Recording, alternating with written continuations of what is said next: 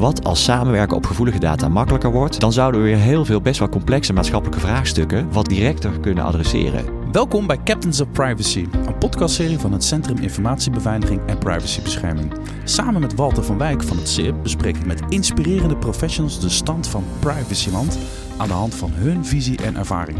Die innovaties die moeten vaak ook onder druk, want de overheid heeft opdrachten, belangrijke opgaven die ze moeten uitvoeren. De burger is kritisch op de politiek, dus het moet allemaal vaak snel. En dan is misschien wel privacy en, en, en informatiebeveiliging niet het allereerste waar. Uh, er wordt niet bij design aan gedacht. Vandaag de gast is Toon Zegers, ex-Deloitte, ex-Posting Consulting Group, nu medeoprichter van Roseman Labs. Expert in cryptografie en visionair op het gebied van privacy enhancing technologies. En als hij even niet werkt, leest hij boeken over wiskunde of internationale politiek. Zo, Toon Zegers, dat is nogal wat. Nou, je houdt er wel van, hè? Ingewikkelde dingen. Precies, ja. ja. Hey, op, in jou, ik moest een beetje grinniken, want uh, dit, dit, dit klinkt allemaal heel erg hoogdravend. En je bent volgens mij een hele slimme meneer. Op je LinkedIn staat gewoon heel doodleuk dat je head of customer success bent. Ja. Dan moet ik, dat heeft voor mij een soort, soort connotatie van jonge honden in Silicon Valley die zichzelf head of customer success noemen. Ja. Wat, wat, wat, wat, wat gebeurt daar? Ja, en ik mocht dezelfde titel uitkiezen. En ik moet er zelf nog iedere dag om lachen, ook, ook als, ik het, als ik mezelf voorstel bij onze klanten. Maar ja, het is, het is een hilarische titel, maar het straalt misschien ook wel een beetje uit wat we bedoelen. Het, uh, ja, ik ondersteun onze klanten met het implementeren van privacy-technologie. Mm. En daarbij gaat het niet over uh, de techniek, maar gaat het over wat ze daarmee willen doen. En dat Mm. ze zelf impact maken met. En met zo'n titel heb je gelijk een, uh, een gesprek met een klant over een grappige as, maar het gaat over de diepgang die erachter zit. Ja, dus ja, dat is misschien onbedoeld wel waar het, waar het toe leidt. Ja. We gaan aan de hand van dit gesprek jou een beetje beter leren kennen. We willen natuurlijk meer weten over die technologieën waarmee je werkt. We willen natuurlijk hebben over de impact die, die jij en jouw technologieën op de wereld kunnen hebben. Of misschien wel moeten hebben, of misschien ook niet zullen hebben. Dat doen we aan de hand van een paar vragen, een paar stellingen. En uh, Walter die trapt altijd af met een, uh, met een eerste vraag.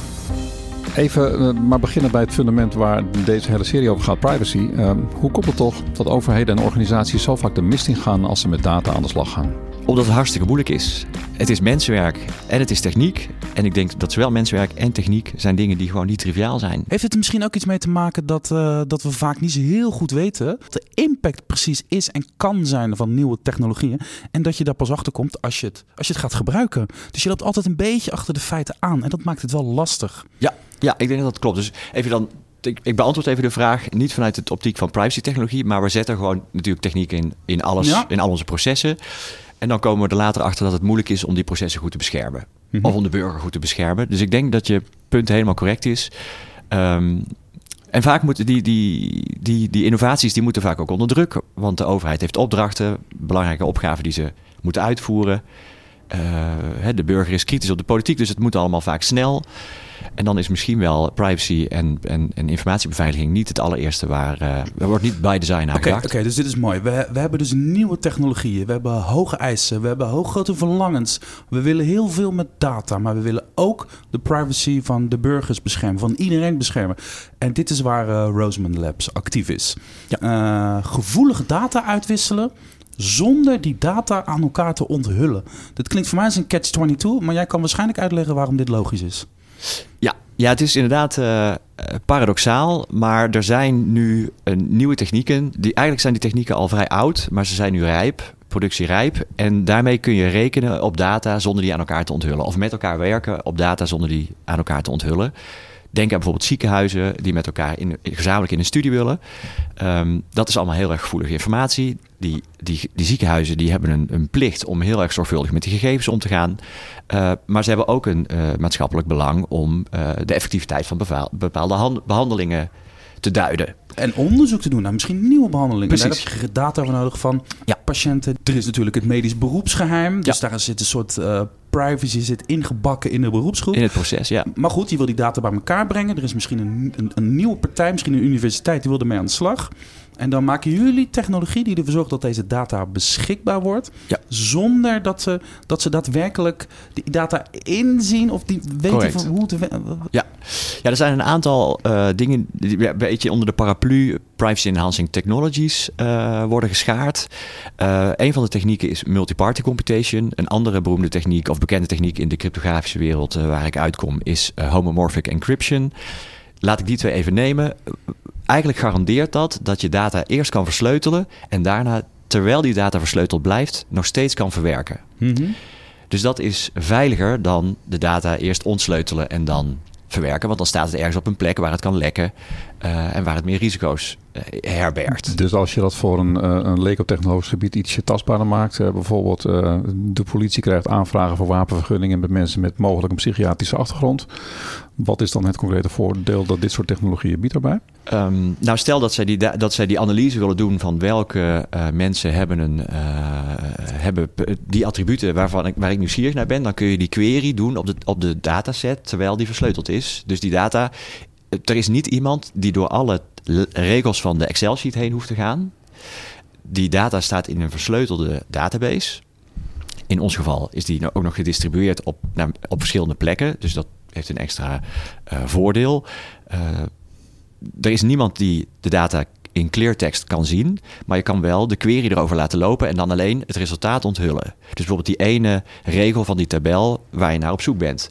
En dat is in veel gevallen proportioneler dan de hele data in zijn geheel verwerken en kunnen zien tijdens die verwerking. Dan dus, ben je eigenlijk bij wijze van spreken allemaal verdacht. Nou, ja, je, je ziet te veel terwijl je dat niet nodig hebt. Je wil die ene regel weten of je wil een statistiek weten over die. Over zeg, hoe vaak is het voorgekomen dat uh, iemand een verlof heeft gekregen terwijl die ook een gevaar was. Nou, misschien is dat een statistiek die je wil weten, maar daar hoef je niet al die individuele records voor te kennen. We hebben een eerste stelling en die gaat direct over dit soort technologieën. Kijk dan even uh, maar vijf jaar verder. De stelling is: er komt een ware revolutie als dit soort technologieën van privacy enhancing technologies zijn uitontwikkeld en breed wordt toegepast. Ja, dat is een beetje mijn stokpaardje. Ik, uh, ik was vorige week vrijdag uitgenodigd bij de staatssecretaris van Digitale Zaken om ook wat te mogen vertellen over privacy-technologie en wat dat betekent. En ik mocht een kleine speech uh, geven, dat mocht iedereen die was uitgenodigd. En mijn, het hoofdpunt van mijn uh, speech was eh, als de overheid en overheidsinstellingen of het bedrijfsleven willen samenwerken op gevoelige data, dan moeten ze het vertrouwen krijgen van de burgers en hun, en hun klanten. En dat vertrouwen, dat kun je uh, creëren door privacy by design te werken. Dat is eigenlijk gewoon wat je verplicht bent aan je je burgers. Um, als je met gevoelige data werkt. Nou is dat dus heel moeilijk. Dat, hè, dat was de eerste mm -hmm. stelling. Het is hartstikke moeilijk om goed privacy-proof te werken. Maar wat als dat nou makkelijk wordt? En dat is denk ik eigenlijk het ook ingaand op jouw stelling, wat als samenwerken op gevoelige data makkelijker wordt, dan zouden we weer heel veel best wel complexe maatschappelijke vraagstukken uh, wat directer kunnen adresseren. Denk aan het zorginfarct. Want heel veel zorginstellingen willen weten of een patiënt in een bepaalde patiëntreis goed en effectief behandeld wordt, Mhm. enzovoort, enzovoort. Oké, okay, maatschappelijke thema's. Je noemt nu de zorg. We hebben een energiecrisis, we hebben een klimaatcrisis. Er zijn verschillende transities die tegelijkertijd uh, plaatsvinden. Lage lekkertijd. We hebben cybercrime, we hebben van alles. Uh, maar hoe gaat dit dan een bijdrage leveren om dat op te lossen? Want ik, die, ik, ik, ik snap dat op een soort filosofisch niveau Ja. voel ik hem, hè, dat je dat zo tegen de staatssecretaris vertelt. En maar dan een stapje lager denk ik van, maar hoe dan? Ja, ja, ja ik, ik zal gewoon een paar voorbeelden geven uit Ja, onze graag. eigen cases. Ehm, de netbeheerders eh, die ervaren nu dat het laagspanningsnet... eh, dat er veel congestie optreedt door elektrische auto's en eh, zonnepanelen op het dak. Het is eigenlijk een hele goede ontwikkeling. Tegelijkertijd is het, het laagspanningsnet daar in heel veel plekken niet toe bestand en zou het mis kunnen gaan. Daarvoor is informatie uit de slimme meter nodig. In de elektriciteitswet staat dat die informatie voor netmanagement gebruikt mag worden, mits op een veilige manier geaggregeerd. Maar hoe kun je dat op een veilige manier aggregeren? Ja, dat was tot voor kort heel erg ingewikkeld. Maar als je die gegevens vanuit de meter kan versleutelen en dan alleen statistiek op die versleutelde data kan doen, namelijk vertel mij waar congestieproblemen kunnen ontstaan, dan los je zo'n probleem in één keer op. En daar zijn partijen ontzettend in geïnteresseerd. Oké, dus hier gaat het een directe bijdrage leveren aan de energietransitie. Eh, ik sprak jou eerder, toen had je het over laaggeletterdheid. We gaan een, dit kan een bijdrage leveren aan oplossen van laaggeletterdheid. Hoe dan? Nou ja, het, het Centraal Bureau voor Statistiek en gemeenten hebben een rol in het monitoren waar eh, sprake is van laaggeletterdheid in de samenleving en in welke mate. Eh, ook bijvoorbeeld of we niet te veel suiker en vetten eten enzovoort. Dus al dat eigenlijk, zal maar zeggen, monitoring wat het Centraal Bureau voor Statistiek doet, dat gaat nu eh, eh, vaak, in, hè, ik noem maar even in de clear. Partijen leveren aan aan, het, aan gemeenten, aan het CBS. En we zijn in gesprek met gemeenten die zeggen, ja, we willen dat liever privacy by design. Want het gaat gewoon op regelniveau gaat het naar de gemeente toe en dan vervolgens gaat het naar het, CBS toe. Ehm, wat nou als je dat eerst zou kunnen versleutelen bij de bron, bij de educatieve instelling, of zeg bijvoorbeeld dat het gaat om het gebruik van kinderdagverblijven in kwetsbare wijken. wat nou als je dat al die broninformatie, eerst informatie versleutelt bij de bron, dan deelt met de gemeente en dan pas, zou ik maar zeggen, daar weer analyses op doet onder de eh, met privacy. Ik noem het maar even voor het gemak privacy by design. Het gaat over techniek, uh, het gaat over betrouwbaarheid. Um, ik, ik, heb ook eerder begrepen dat dit ook iets van een significante tijdwinst kan opleveren. Want je hebt natuurlijk pseudonymisering en anonimisering. En dan gaan juristen over een onderhandeling. Um, maar dat kan heel lang duren. Kan je daar nog iets over zeggen?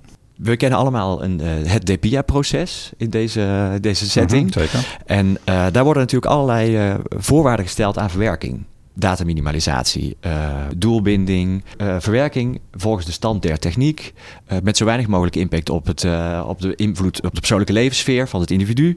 Al die, zal maar zeggen, soms abstracte begrippen, die kun je direct heel concreet maken. En het, vaak gaat het ook over restrisico. In een discussie met een jurist of met een privacy officer. Bijvoorbeeld als wij een tabel pseudonymiseren, niet wij als Roseman Labs, maar een, in een klantsituatie, dan als men, een, ik moet eigenlijk zeggen, als men een tabel pseudonymiseert, dan kun je nog heel erg lang afvragen: kan die tabel niet toch nog iets lekken over de data subjects? En wat als ik met, een, met die tabel nou combineer met een andere gepseudonymiseerde tabel, ja, dan wordt het probleem nog erger. Hm. Dus onze ervaring, ook uit mijn vorige uh, werkzaamheden, was. Ja, dan duurt het zomaar zes maanden voordat de juristen het restrisico echt goed kunnen duiden. En voordat de mensen die de, die de opdracht hebben het restrisico echt goed kunnen beschrijven. Want met pseudonymiseren blijft er ontzettend veel risico over. Dat komt omdat die data eigenlijk gewoon leesbaar, wel gepseudonymiseerd, maar leesbaar. Zijn, zijn de, de, de, de, de mensen die wat over gaat nog steeds traceerbaar? Precies, maar, in feite wel. En dat weten we. Maar ja, we moeten door met die opgaves, met die maatschappelijke opgaves. Dus we gebruiken pseudonymiseren als techniek. Maar ja, we ervaren ook allemaal dat het proces van komen tot een goede DPIA ontzettend lang duurt. En dat komt onder andere hierdoor. We gaan iets dieper het konijnenhol in met de volgende stelling technologie die privacy bevorderend werkt, dat lijkt tegenstrijdig. De, de stelling is dus voor technologie leken, zeg maar even, wordt deze techniek, deze technologie een gevaarlijke black box. Ja, ik, ben, ik vind het... Uh, die vind ik wel spannend eigenlijk. Ja, die is, en, en ik vind het een hele goede terecht Ik, vind, ik heb Marleen Sticker, toen die, die uh, VPRO uh, zomergastenuitzending, dat was smullen, toen zij daar vertelde over dat techniek niet waardevrij is. Dat ben ik heel erg met haar eens. Dus het gaat niet om de techniek. De techniek biedt hier een mooie uh, oplossing om het restrisico van, uh, van met data samenwerken heel erg klein te maken. Vrijwel niet heel. Die stelling durf ik wel aan. Uh, maar het gaat nog steeds om waarom doen we het met elkaar? Is er een grondslag? Doen we het op de juiste, stellen we de juiste vragen aan de data? Is het ethisch? En die vragen lossen wij niet op. En dus wat het leuke is van de datasamenwerkingen waar, waar wij nu in komen, dat is in de zorg, maar dat is ook in de overheid. De vraag of er die grondslag is en of het ethisch is wat we doen, die moet voorop staan. Want we zitten hier niet om het, om het vertrouwen van de burger te schaden.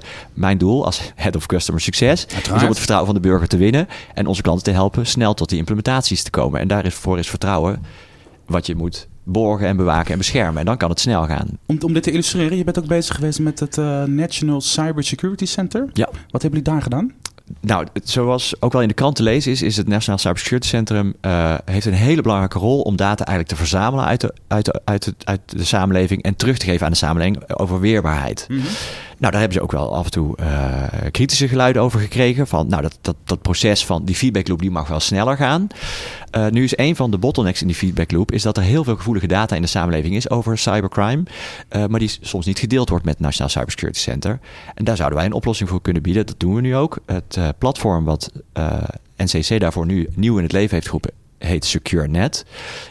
en daarmee kunnen hun doelgroeporganisaties in die vitale sector en bij de overheid, die kunnen ge, versleuteld aanleveren van uh, informatie over hacks. We kunnen je voorstellen, ja, als je gehackt bent als organisatie, is dat niet iets waar je trots op bent. Dus je wil eigenlijk liever dat niemand weet dat dat gebeurd is.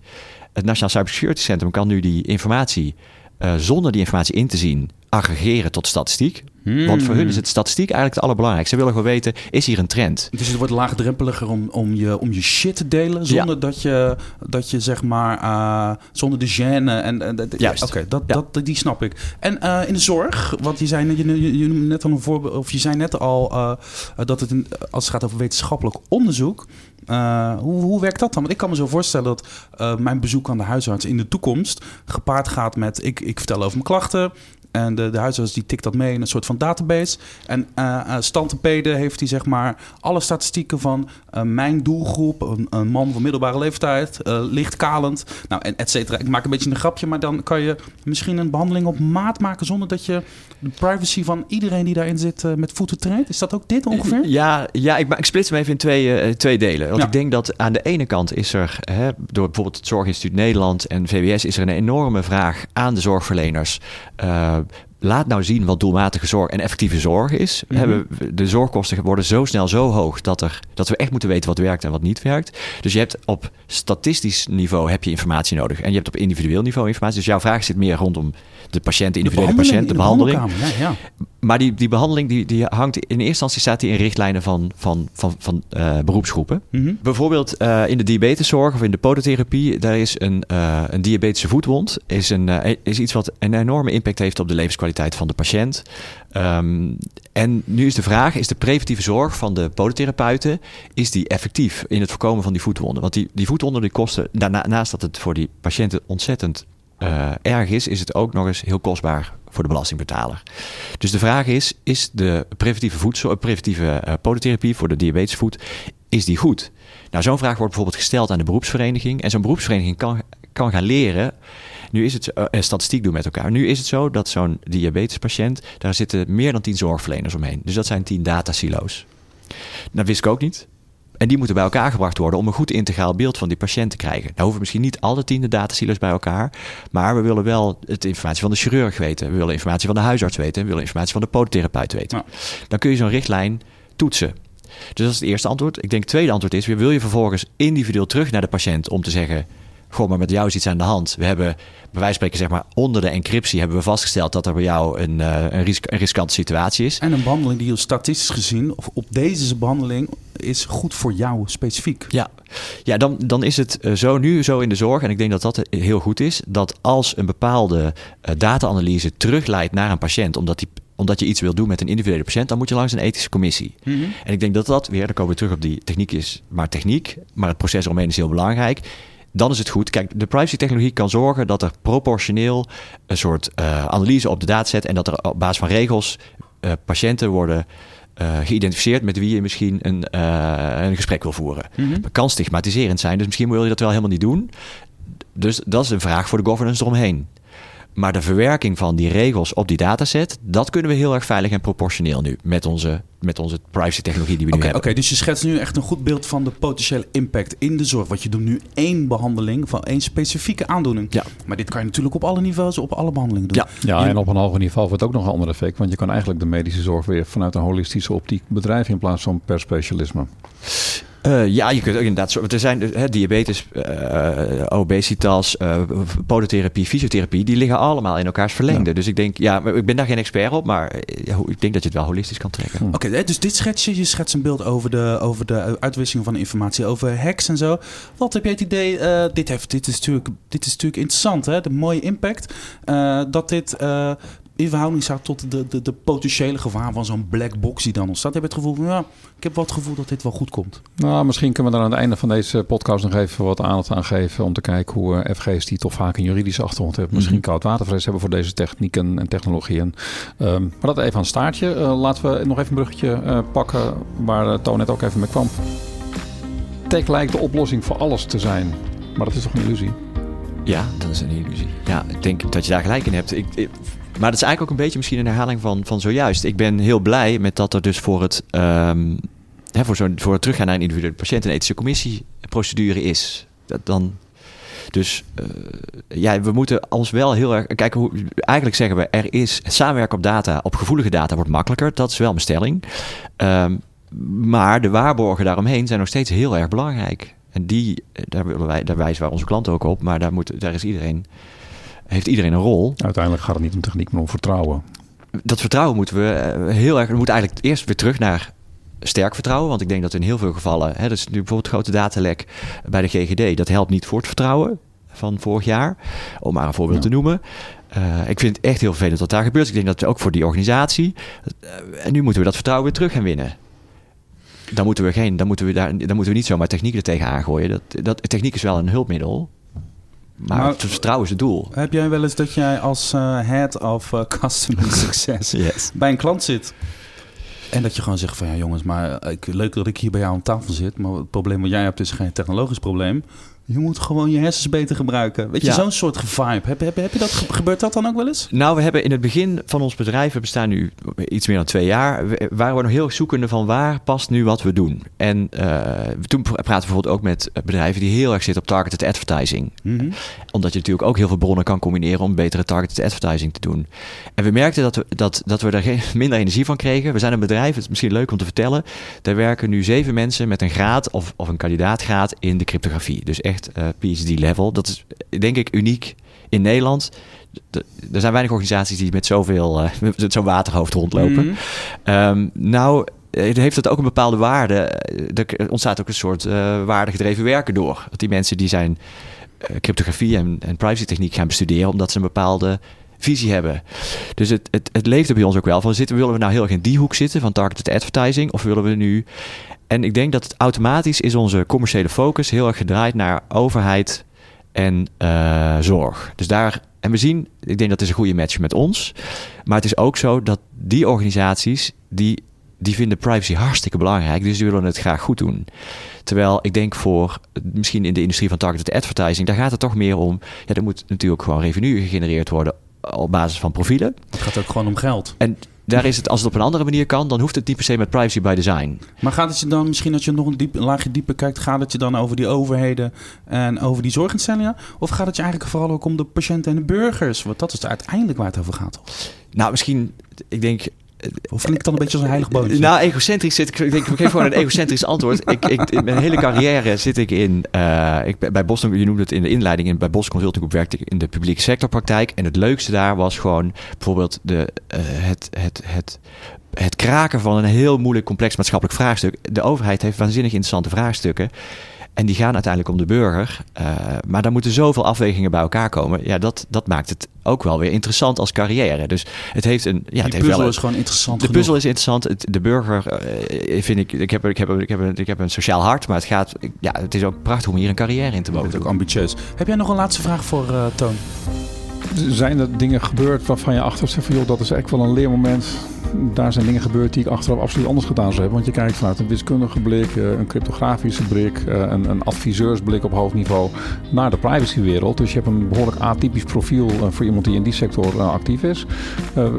welke les heb jij geleerd voor anderen hun voordeel kunnen doen? Ik denk dat ik ook vanuit de techniek heel erg in deze. Ik, ik ben altijd een techniekhobbyist geweest, van, van jongs af aan. Ik ben vanuit de techniek ook in deze. Ik ben wiskunde gaan studeren en zo. Ik heb, techniek heeft me altijd gefascineerd. Um, eigenlijk de discussie die we vandaag hebben. De, wat de, en het, en, het, en de, de, de zomergastenavond van Marleen Sticker ik, ik, wist het wel, maar het was toch een wake-up call. Mm. Techniek is niet waardevrij. Is zo belangrijk dat we dat de hele tijd voorop stellen. En ja, dat is wel. Uh, dat maakt het vraagstuk over weer terug naar de, ja, de intellectuele uitdaging van waar we hier zitten. Maakt het vraagstuk interessant. Ja, en dan uh, ter afronding, uh, maak hem even heel praktisch. jij zit er als technoloog in. je bent met een hele erg nieuwe technologie bezig. Wat zou jij FG's en andere privacy professionals, wat ik eerder al zei, die vaak een juridische achtergrond en alfa-achtergrond hebben en niet zo heel erg beta zijn. Wat zou je hen nou adviseren om in dit stadium, in deze fase van ontwikkeling van technologieën en, en oplossingen uh, hiermee te doen? Ik, ik zou uh, ze vragen. Er zijn een aantal organisaties die nu goed op de hoogte zijn van uh, privacy technologie. Nationaal Cybersecurity Centrum werkt er al bijna twee jaar, misschien al wel meer dan twee jaar met deze techniek. Die treden ook heel graag op als referent en als ambassadeur. Centraal Bureau voor de Statistiek, ook een partij waarmee we werken, die hebben ook al een aantal experimenten gedaan met multiparty computation, de techniek waar, we het, uh, waar wij specifiek in gespecialiseerd zijn. Die weten er hartstikke veel van af. Uh, het RIVM, uh, ja, de zorginstellingen. Dus er zijn nu inmiddels, we hebben nu tien lopende samenwerkingen. En, en ze zijn allemaal hartstikke trots op wat, we, wat, wat ze doen. Mm Je bedrijf heet Roseman Labs, maar dit is al echt uit het laboratoriumstadium met wortel in de praktijk gebruikt en getoetst. En, en, het is vooral in de publieke sector. En die mensen willen heel graag de rest van de publieke sector helpen. Dus als een FG zich nou afvraagt hoe zit het met die black box. Er zijn pentesten gedaan, er worden code-audits gedaan. Dus de code is ook geen black box. Er zijn gewoon, uh, op dit moment loopt er één en dat rapport komt beschikbaar. En we zijn in gesprek om dat rapport ook, zal maar zeggen, voor andere overheden uh, toegankelijk te maken ja, dan kunnen ze gewoon lezen wat er in die black box gebeurt. En dan hoop ik dat de, de drempel iets kleiner wordt om, om in ieder geval hierover na te denken. Dat is eigenlijk het belangrijkste. Want het is natuurlijk maar een middel en er zijn natuurlijk allerlei middel, middelen. Maar het is goed om te weten dat dit in de toolkit zit. Laatste vraag. Ik, ik, ik, ik, ik, er schiet mij ineens dat beeld te binnen dat jij daar inderdaad bij Alexandra van Huffelen, de, de kerstverse staatssecretaris van Digitale Zaken, op haar kamer zit met een aantal andere mensen.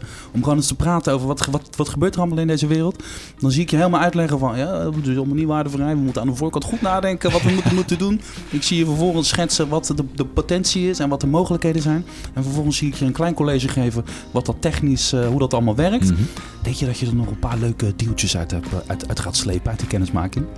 Um, nou, het was, het, was, het was geen klein kamertje, het was een grote zaal. Dus ik, uh, veel mensen hebben mijn verhaal gehoord. En ja, ik hoop natuurlijk dat we hier een gezond bedrijf van kunnen bouwen. Ja, daarvoor doen we het ook. Het is uh, zeker, het is een missie en het is een, uh, het, is een, het is een onderneming. Ik ben ondernemer en ik ben wel, ja, zoals je merkt, ook wel gepassioneerd. Dus dat. Dankjewel Toon Segers van Roseman Labs. Ik wens je heel veel succes met het mooie werk wat je doet. En ik ben heel benieuwd wat voor impact er op ons af gaat komen.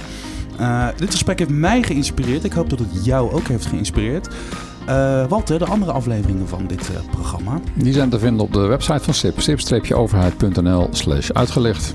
Dankjewel. Graag gedaan, leuk. Dankjewel.